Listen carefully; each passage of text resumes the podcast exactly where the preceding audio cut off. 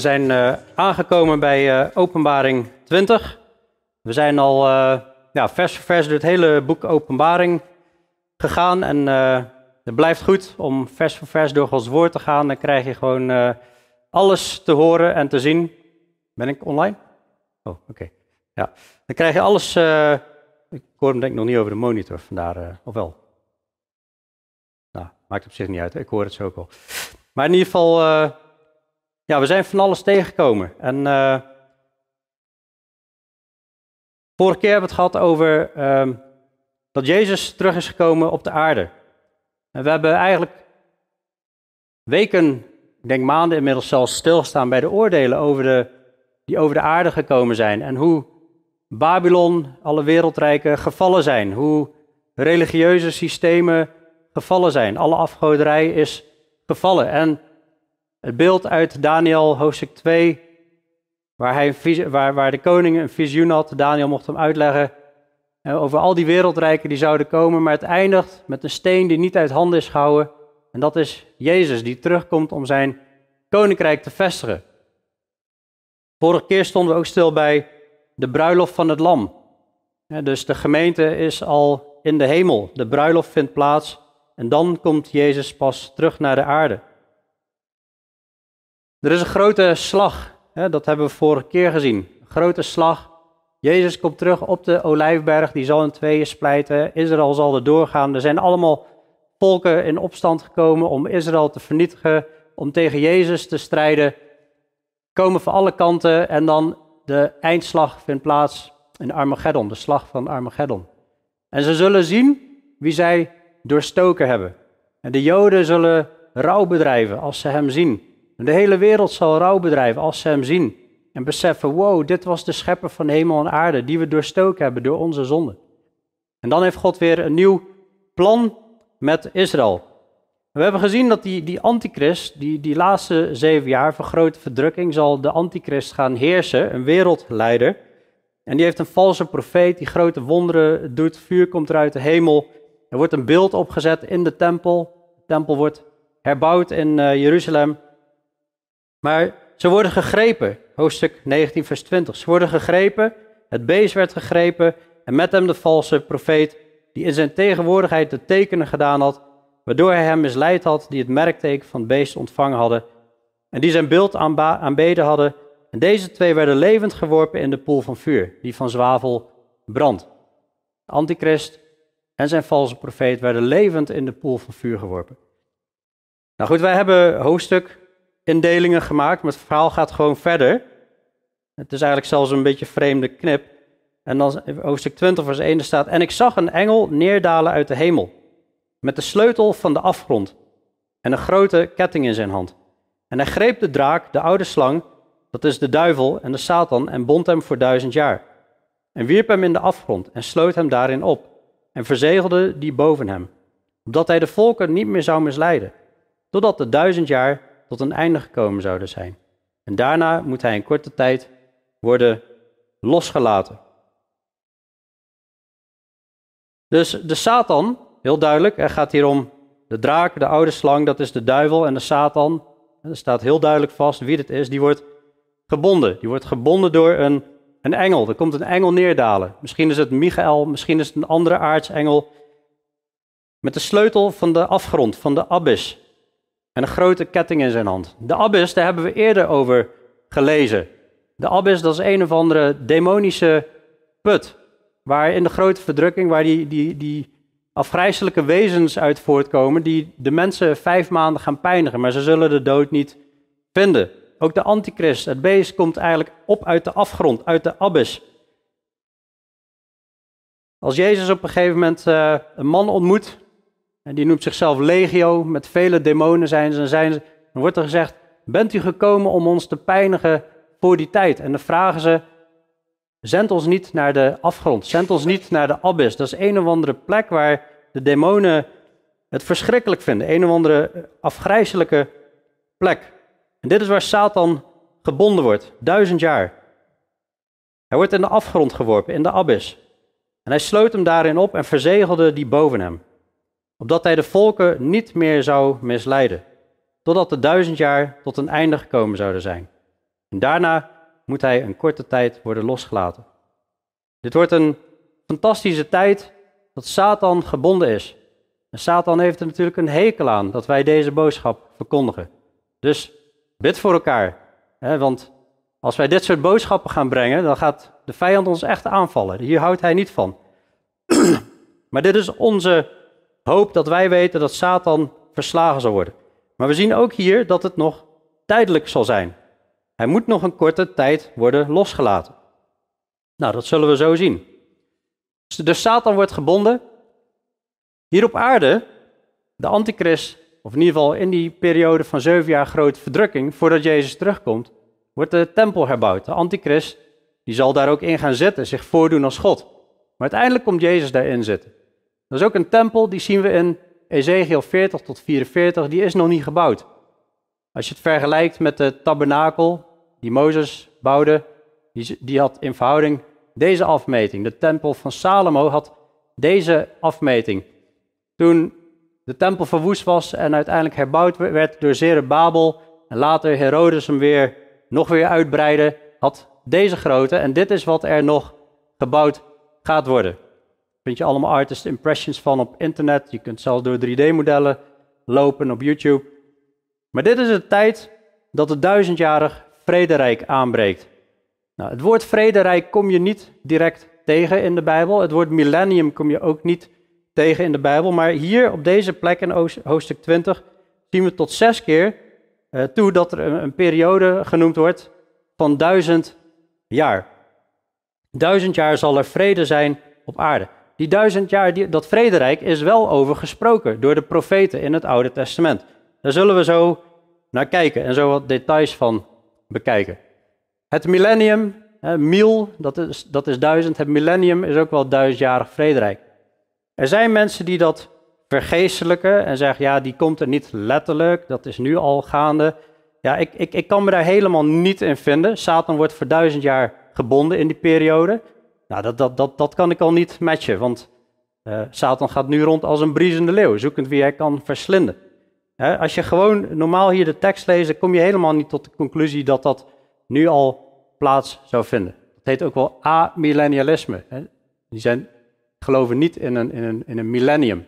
Nou, er zijn nog wel wat meerdere kijken, maar daar gaan we niet al te veel aandacht aan schenken. Uh, we houden ons gewoon hierbij wat er staat en dan wordt het vanzelf duidelijk. Nog even samengevat, even een, even een, een, een, overzicht creëren. Christus is gestorven, daarna werd de Heilige Geest uitgestort, de gemeente ontstond. Nou, we zitten nu in het jaar 2019, we weten niet hoe lang het nog doorloopt. Maar dat is een genadetijd, verborgen door de eeuwen. Maar die tijd gaat stoppen. We weten dat de gemeente op een bepaald moment opgenomen wordt. We weten dan ook dat Jezus soms komt halen en in die periode, tijdens een grote verdrukking, vindt in de hemel de bruiloft plaats. Jezus komt terug met de zijnen, zien we op meerdere plekken, zowel de engelen geloof ik als uh, wie bij hem horen. En dan komt ja, eigenlijk de verwoesting van die rijken en die legers. Dat hebben we vorige keer gezien.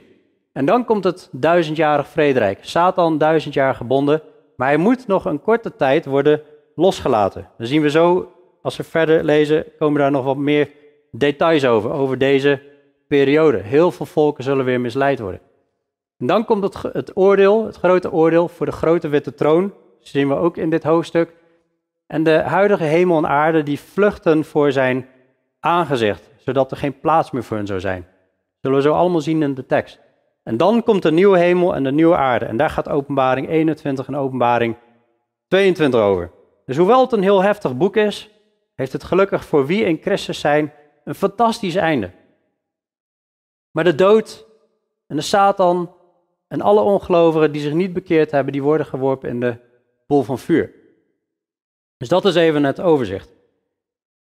Satan is gebonden. Voor, voor duizend jaar wordt hij gebonden. En in hoofdstuk 4 zien we, oh sorry, in vers 4 zien we, en ik zag tronen en zij gingen daarop zitten. En het oordeel werd hun gegeven. Nou, wie, wie zijn dat? Zij gingen daarop zitten. Wordt niet direct uitgelegd. Volgende vers begint met en ik zag de zielen. En dan ziet hij volgens mij nog iets anders. Ik geloof dat degene die op die tronen gaan zitten, dat het sowieso Jezus is, maar ook de gelovigen. de gelovigen uit de gemeente. In Colossense 3, vers 4 zien we, wanneer Christus geopenbaard zal worden, die ons leven is, dan zult ook u met hem geopenbaard worden in heerlijkheid. Wij zullen zichtbaar worden. In Romeinen 8, vers 18 zien we, ik ben ervan overtuigd dat het lijden van de tegenwoordige tijd niet opweegt tegen de heerlijkheid die aan ons geopenbaard zal worden. Met rijkhalzend verlangen immers verwacht de schepping het openbaar worden van de kinderen van God. Wij worden in ieder geval openbaar. Nou, dit is nog niet specifiek genoeg voor die tronen, maar dat, daar zijn nog meer teksten over. Over die tronen, dan zie je in Daniel 7, ik keek toe totdat de tronen werden geplaatst. Dus ook net nadat de antichrist eigenlijk verslagen is. En de oude vandaag zette zich neer. En zijn gewaad was wit als de sneeuw en uh, het haar van zijn hoofd als zuivere wol. En zijn troon bestond uit vuurvlammen en de wielen ervan waren laaiend vuur. Een heel indrukwekkend spektakel. Als Jezus met de twaalf discipelen in gesprek is, dan zegt hij op een gegeven moment: Ik beschik u het koninkrijk, zoals mijn vader dat aan mij beschikt heeft.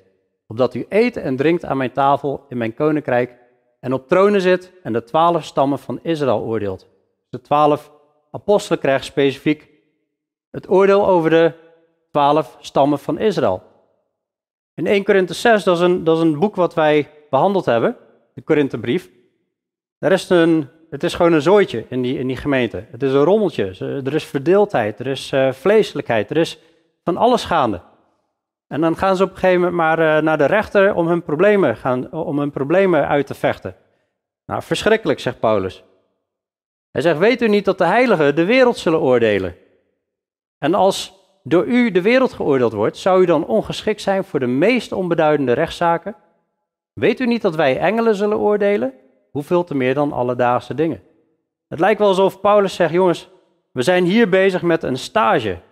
Dit is de stage dat je leert onderscheiden tussen goed en kwaad. Als je nu al niet kunt onderscheiden, wat, wat, wat moet er dan straks van terechtkomen? Weet je niet dat wij de wereld zullen oordelen? Het is best wel bizar dat wij daaraan mee gaan doen. God heeft nogal een plan met ons en nogal vertrouwen in ons. Maar goed, we zullen straks ook veranderd worden, een verheerlijk lichaam hebben. Dus ik geloof dat wij meedoen met dat, uh, met dat uh, oordelen.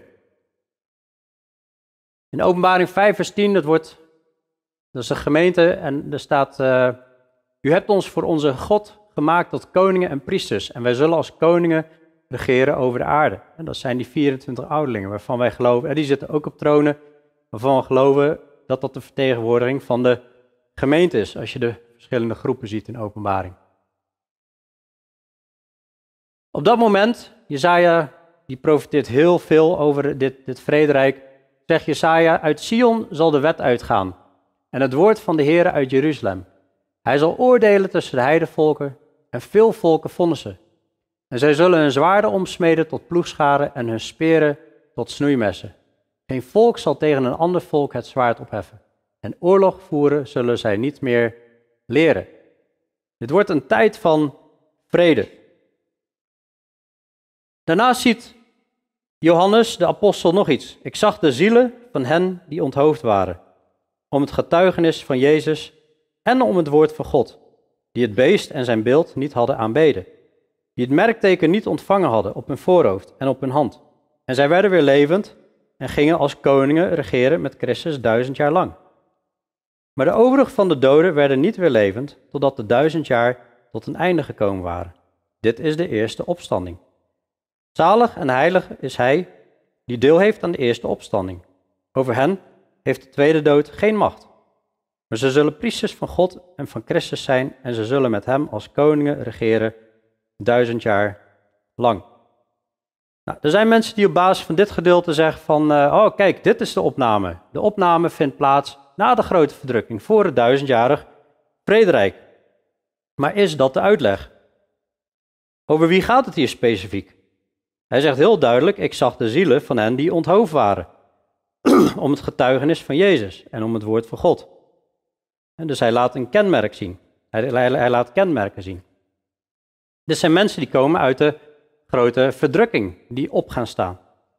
Alleen waarom heet dat dan de eerste opstanding? En dan zou je zeggen, nou dan, dan, dan is het daarvoor is geen opstanding geweest.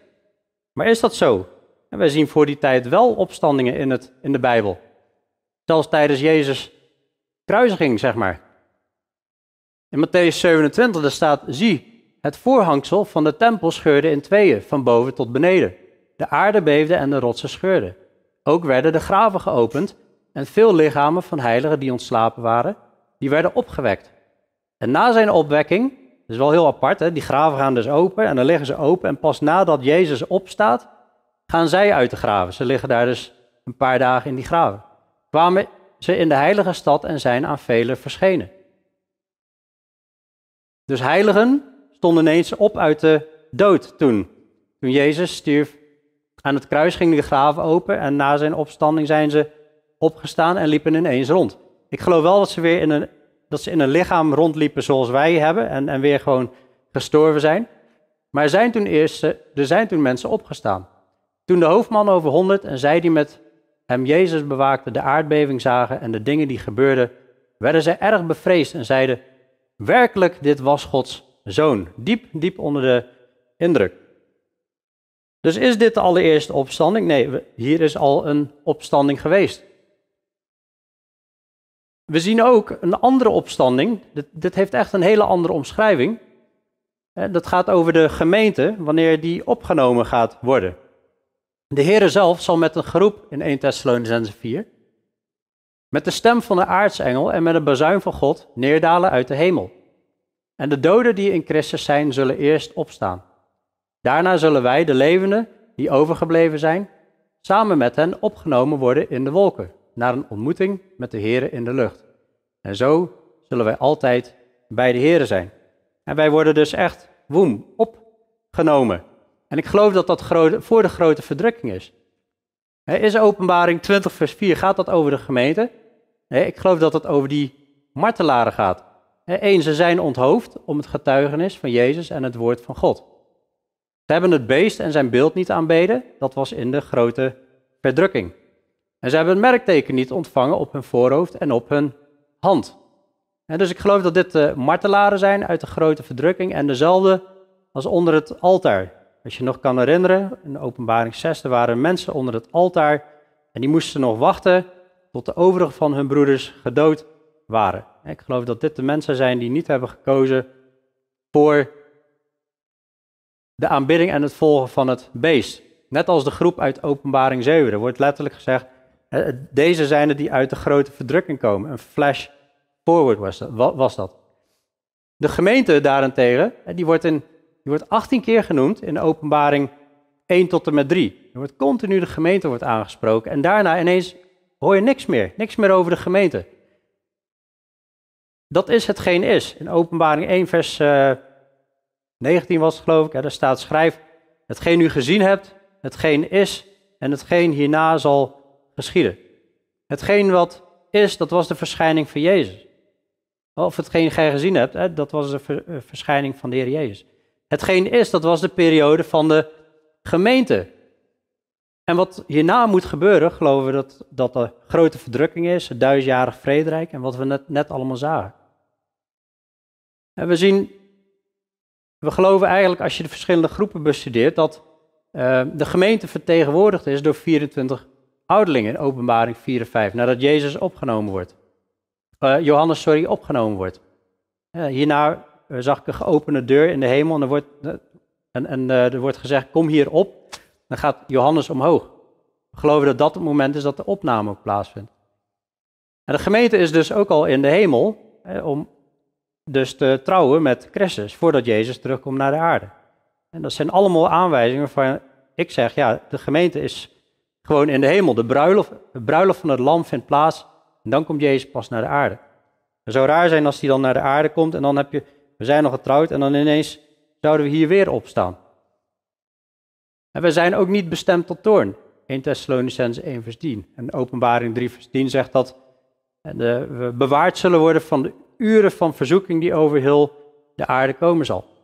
Ook hebben we gezien dat de weerhouder, die moet weggenomen zijn voordat de wetteloze, de antichrist, zich kan openbaren. Nou, in de preek over de opname gaan we hier dieper op in, maar het is wel belangrijk weer even specifiek genoemd te hebben. en uh, dat, dat we goed kijken van wie wordt hier opgenomen. Maar hoe zit het dan met dat hij zegt, dit is de eerste opstanding? Nou, ik geloof dus dat de eerste opstanding in fasen plaatsvindt, net zoals een oogst ook in fasen plaatsvindt. Dat de gemeente dus eerst opgenomen wordt, de bruid van Christus, de gelovigen. En de tweede opstanding, ik geloof dat dat genoemd wordt, of uh, in contrast met de eerste opstanding. We zien niet letterlijk de tweede opstanding, maar we zien wel in uh, vers 14, openbaring 20 vers 14, de dood en het rijk van de dood werden in de poel van vuur geworpen. Dit is de tweede dood. Dus je hebt de eerste opstanding, en dat gaat over eh, gefaseerd, dat de christenen of gelovigen bedoel opgenomen worden. En de tweede dood, en dat is voor de ongelovigen, dat is het eeuwige oordeel. Ik geloof dat dat de meest passende uitleg is over dit, uh, dit stuk. Juist omdat het gaat over een andere groep en juist omdat we meerdere opstandingen zien door de Bijbel heen. Ze werden weer levend, deze mensen, en gingen ook als koningen regeren met Christus duizend jaar. Dus naast dat wij zullen regeren, mogen ook deze meeregeren. Maar de overige van de doden werden niet weer levend, totdat de duizend jaar tot een einde gekomen waren. Dit is de eerste opstanding. Zalig en heilig is hij die deel heeft aan de eerste opstanding. Over hen heeft de tweede dood geen macht. Maar ze zullen priesters van God en van Christus zijn.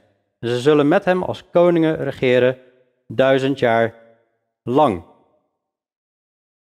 Dus dit wordt een periode van vrede. Een periode dat er geheerst wordt door Christus. Het, is het was even een technisch verhaal, maar denk wel goed om bij stil te staan. In Zachariah 14 dan zien we, het zal geschieden dat al de overgeblevenen van alle heidevolken die tegen Jeruzalem zijn opgerukt, van jaar tot jaar zullen opgaan om zich neer te buigen voor de koning, de heren van de legermachten, en om het loofhuttenfeest te vieren.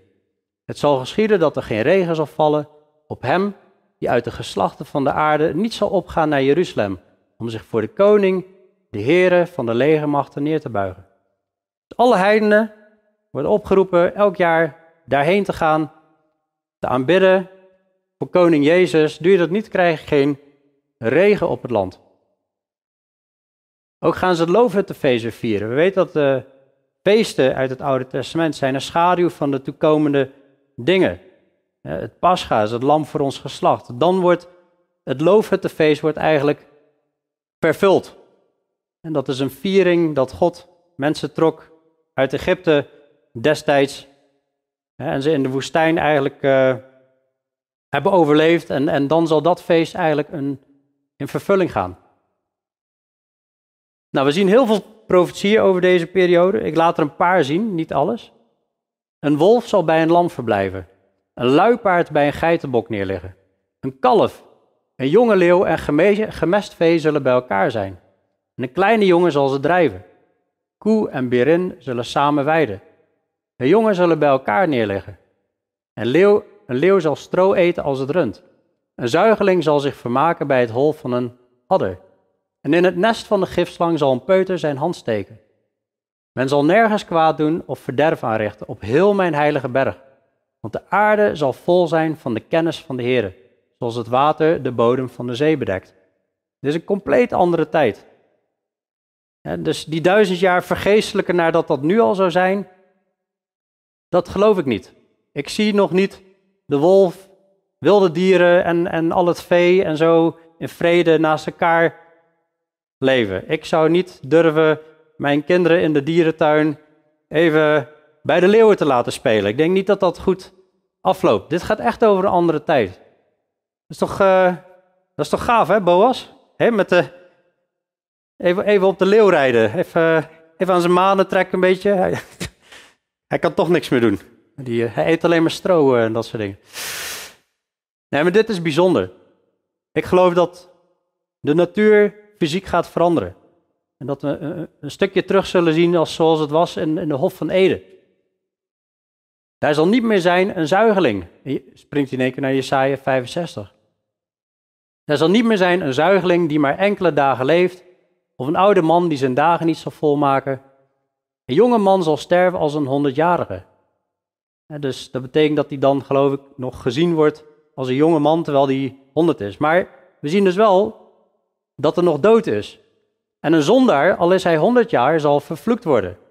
Heel veel geloven dat hiermee bedoeld wordt dat dat vrederijk van Christus, daar wordt geen zonde getolereerd.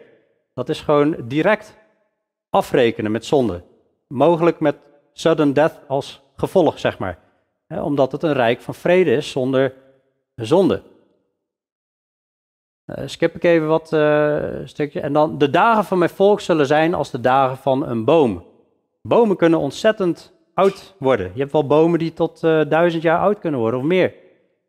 Dus mensen zullen weer heel oud worden, net als voor de periode van de zonvloed. Waar je eigenlijk Methuselem ziet, die was 969 jaar. En mijn uitverkorenen zullen lang genieten van het werk van hun handen. Zij zullen zich niet voor niets vermoeien of kinderen baren voor iets verschrikkelijks, want zij zijn het nageslacht van de gezegenen door de Heer en hun nakomelingen met hen. En het zal geschieden dat voordat zij roepen, ik zal antwoorden. En terwijl ze nog spreken, ik zal horen. Het is echt een tijd van zegen, een tijd van rust hier op aarde. Nou, je ziet allemaal, ik noem even heel snel wat, wat kenmerken, wat eigenschappen van die periode. Jezus regeert, Satan is gebonden, ieder zal de Here kennen. Hoe mooi is dat? Je hoeft niet meer te evangeliseren dan. Ieder zal de Heer kennen. Iedereen weet dat Jezus Heer is hier op aarde. Er zal geen ziekte meer zijn. Volledig herstel van blinden, stommen en kreupelen. Eigenlijk heeft Jezus gewoon een sneak preview gegeven toen hij hier op aarde was. Van hoe hij alles weer gaat veranderen en genezen. Geen oorlog, geen afgoderij. Er is tempeldienst in Jeruzalem. Er is geen ziekte, wel de doodstraf. Er komen politieke oplossingen Landen die altijd in vijandschap verkeren tot nu toe, die zullen ineens in vrede leven met elkaar. Israël wordt een voorbeeld voor de volken. Er staat in Zacharia 8 dat er iemand zal een, Jood uh, ja, zeg maar uh, aanspreken en zeggen, mogen we, met, mogen we met jou meedoen? Mogen we met jou mee? Want we, we zien dat jouw God met jou is. Er zal geen vloek meer zijn op de schepping zoals wij die nu kennen. De plantenwereld zal weer volop in bloei staan. De dierenwereld, die zal in vrede leven, hebben we al gezien. En de Dode Zee, er wordt zelfs weer zoet water. Vanuit Jeruzalem, waar de Heer zit, daar zal water vanuit gaan. Het zal alle kanten opstromen. Het zal het land weer bevochtigen. En eh, alles gaat weer bloeien. Zelfs de Dode Zee wordt weer schoon water. Prachtige bomen komen erop. Vruchten, bladeren zullen, zullen zijn tot genezing van de mensen. Eigenlijk wat we in de nieuwe hemel en de nieuwe aarde ook gaan zien. Alleen het is nog niet de complete perfectie. want er is nog steeds dood. En mensen kunnen nog, uh, ja, dus nog steeds uh, wel, wel sterven, als, uh, ook nog zondigen. En dus dit is eigenlijk die periode. Wordt eigenlijk maar heel kort genoemd. We hebben dus hoofdstuk 6 tot en met hoofdstuk 18 het gaat over een periode van zeven jaar. En dit was de periode in openbaring over de duizend jaar. En dus waarom de Heer hiervoor gekozen heeft, ik zou er best wel meer van willen weten. Maar goed, dat kun je wel in de andere profeten ontdekken. Maar de Heer heeft ervoor gekozen om het op deze manier te openbaren. En dan, wanneer die duizend jaar, in vers 7 gaan verder, wanneer die duizend jaar tot een einde gekomen zijn, dan zal de Satan uit zijn gevangenis worden losgelaten. Hij zal uitgaan om de volken te misleiden, die zich in de vier hoeken van de aarde bevinden. Gog en Magog, om hen te verzamelen voor de oorlog. En hun aantal is als het zand van de zee. En zij kwamen op over de breedte van de aarde en omsingelden de legerplaats van de heilige en de geliefde stad. Maar daalde vuur van God neer uit de hemel en dat verslond hen.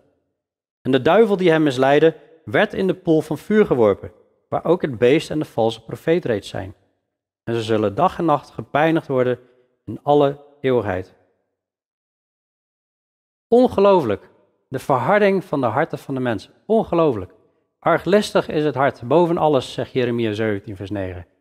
Wie zal het kennen? Desperately wicked, zeggen ze in Engels.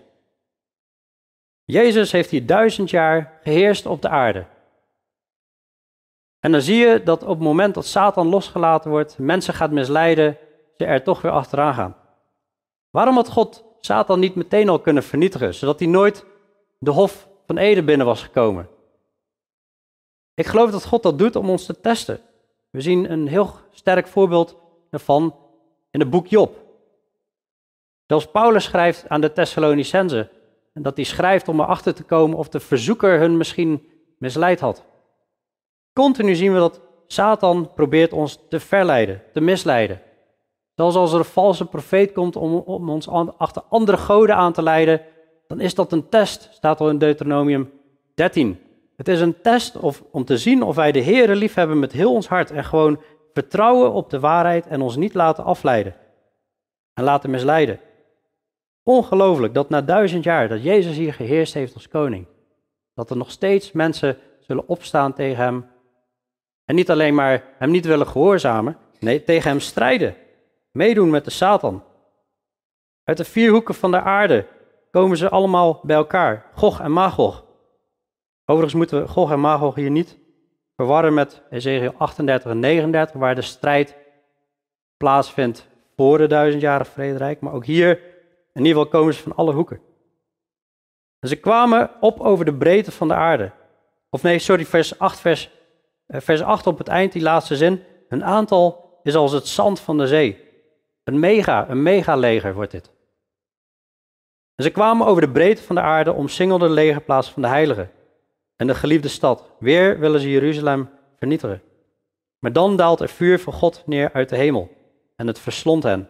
Niet meer een grote verdrukking, niet meer een periode van genadetijd, niet meer nog een waarschuwing. Dit is afgelopen. God is klaar met de mensheid zoals die in deze hoedanigheid is geweest. En de duivel die hem misleidde werd in de poel van vuur en zwavel geworpen waar ook het beest en de valse profeet reeds zijn.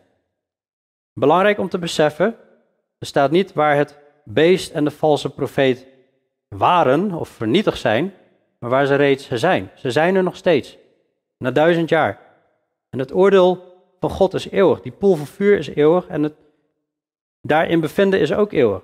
Zij zullen dag en nacht gepijnigd worden in alle eeuwigheid. Dat is verschrikkelijk.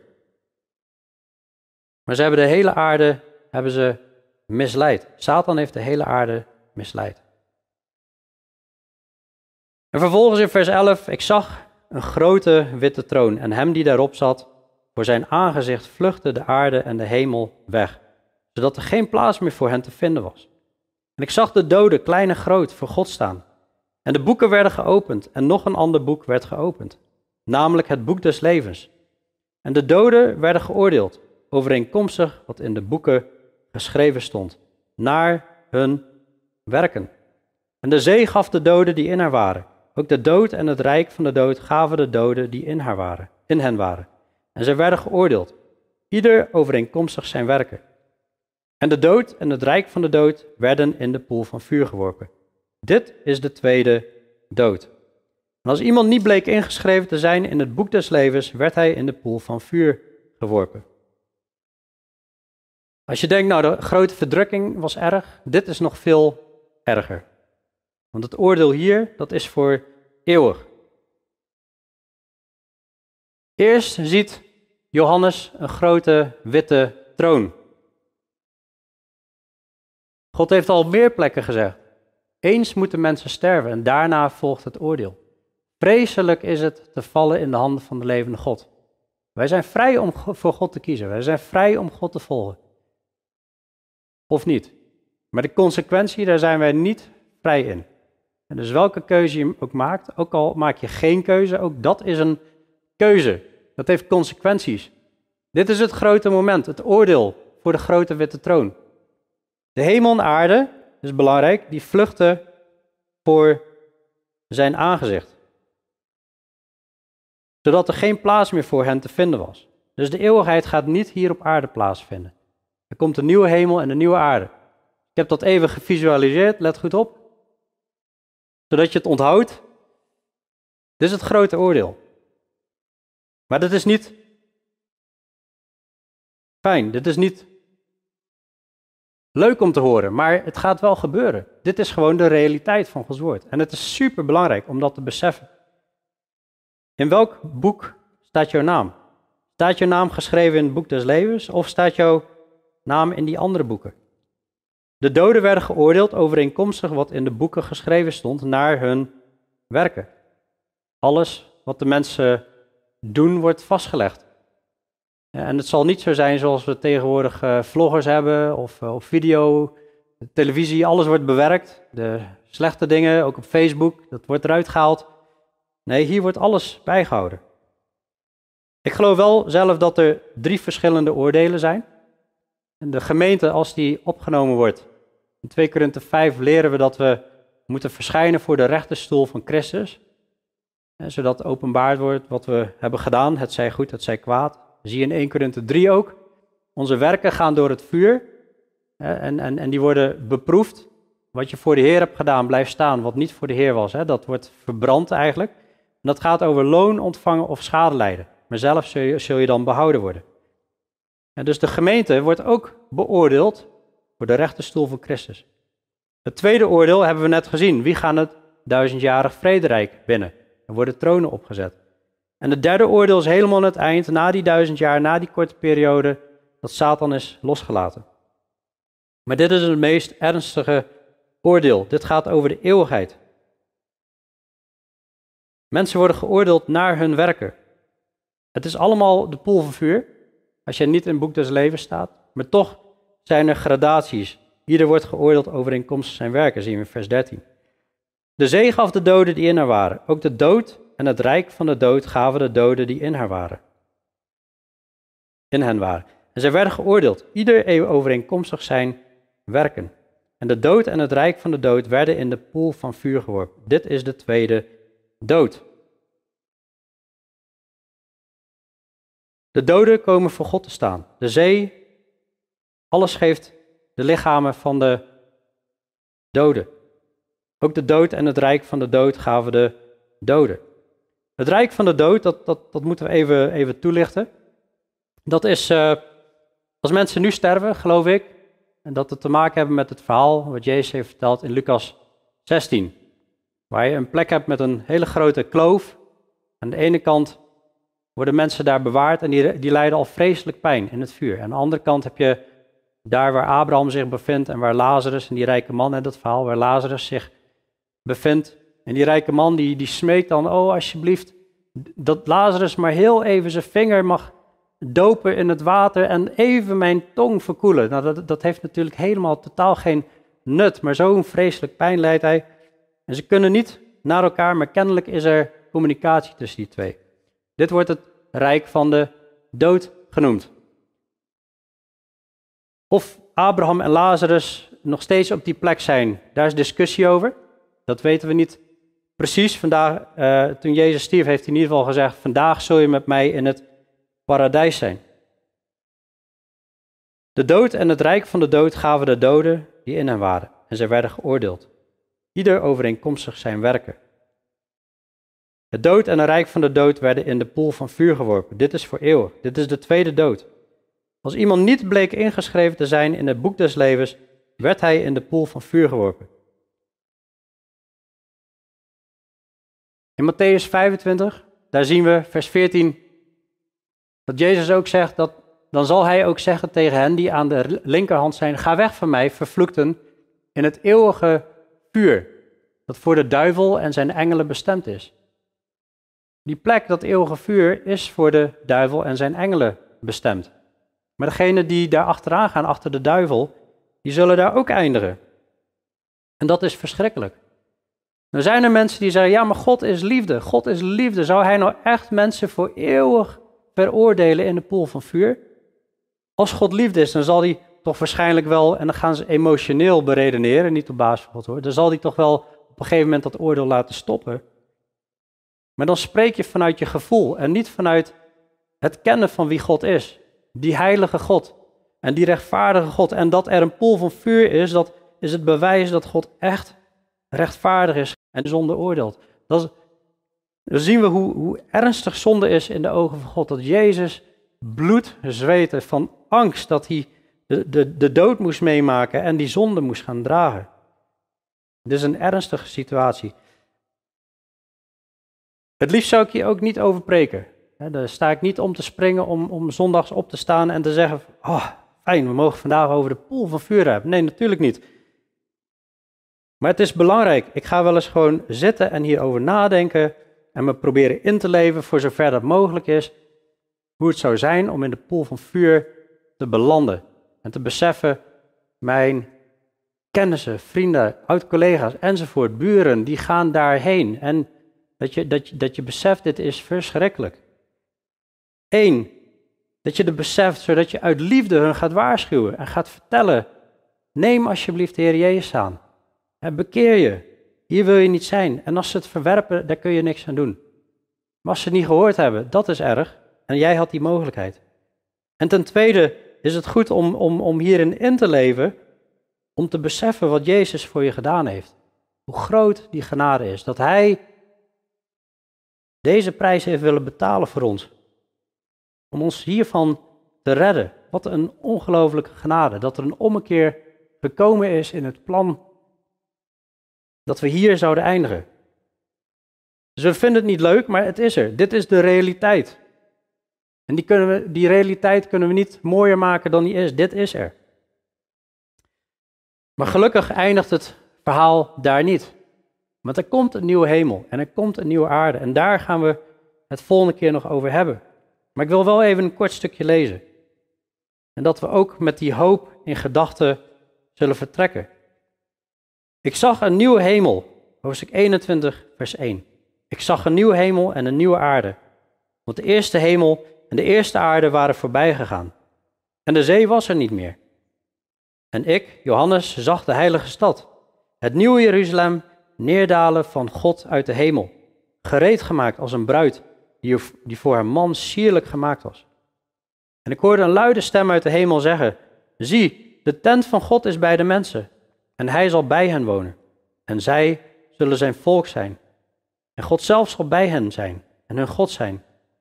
En God zal alle tranen van hun ogen afwissen, en de dood zal er niet meer zijn. Ook geen rouw, jammerklacht of moeite zal er meer zijn, want de eerste dingen zijn voorbij gegaan. En hij die op de troon zit, zei: Zie, ik maak alle dingen nieuw. En hij zei tegen mij: Schrijf, want deze woorden zijn waarachtig en betrouwbaar. En hij zei tegen mij: Het is geschied. Ik ben de Alpha en de Omega, het begin en het einde.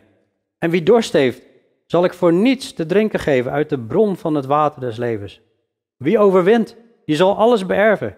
En ik zal voor hem een God zijn. En hij zal voor mij een zoon zijn.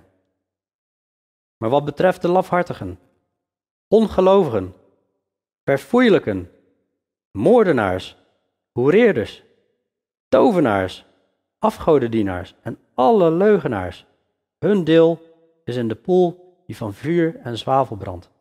Dit is de tweede dood. Als jij in Christus bent, dan ben je twee keer geboren. Eén keer in vlees en bloed, één keer opnieuw geboren door de geest. En dan zul je maar één keer sterven. Of je wordt opgenomen. Als je niet in Christus bent, dan zul je één keer sterven in het lichaam van vlees en bloed. En nog een tweede keer voor de troon van God. En dat is het eeuwige oordeel. En dit is de allerbelangrijkste vraag in ons leven waar we ons mee bezig moeten houden. Is mijn naam geschreven in het boek des levens? Er is maar één vraag die echt belangrijk is. Is jouw naam geschreven in het boek des levens? En dat kun je vinden in het woord van God. Door je vertrouwen te stellen in de Heer Jezus. Geloven in Hem, dat Hij is opgestaan uit de dood. Dat Hij jouw zonde wil vergeven, je te bekeren. En dan zul je ook de Heilige Geest ontvangen, die je zal helpen om te wandelen in gerechtigheid. Die jou zal troosten, die jou zal helpen tot je laatste adem. Is je naam geschreven in het boek des levens? Als je daarover twijfelt, ga alsjeblieft met ons in gesprek. Ga alsjeblieft niet hier de deur uit, twijfelend, hoor ik hier wel bij of niet? Dit is de allerbelangrijkste boodschap van de Bijbel. Dit is waarom Jezus kwam. Zullen we bidden?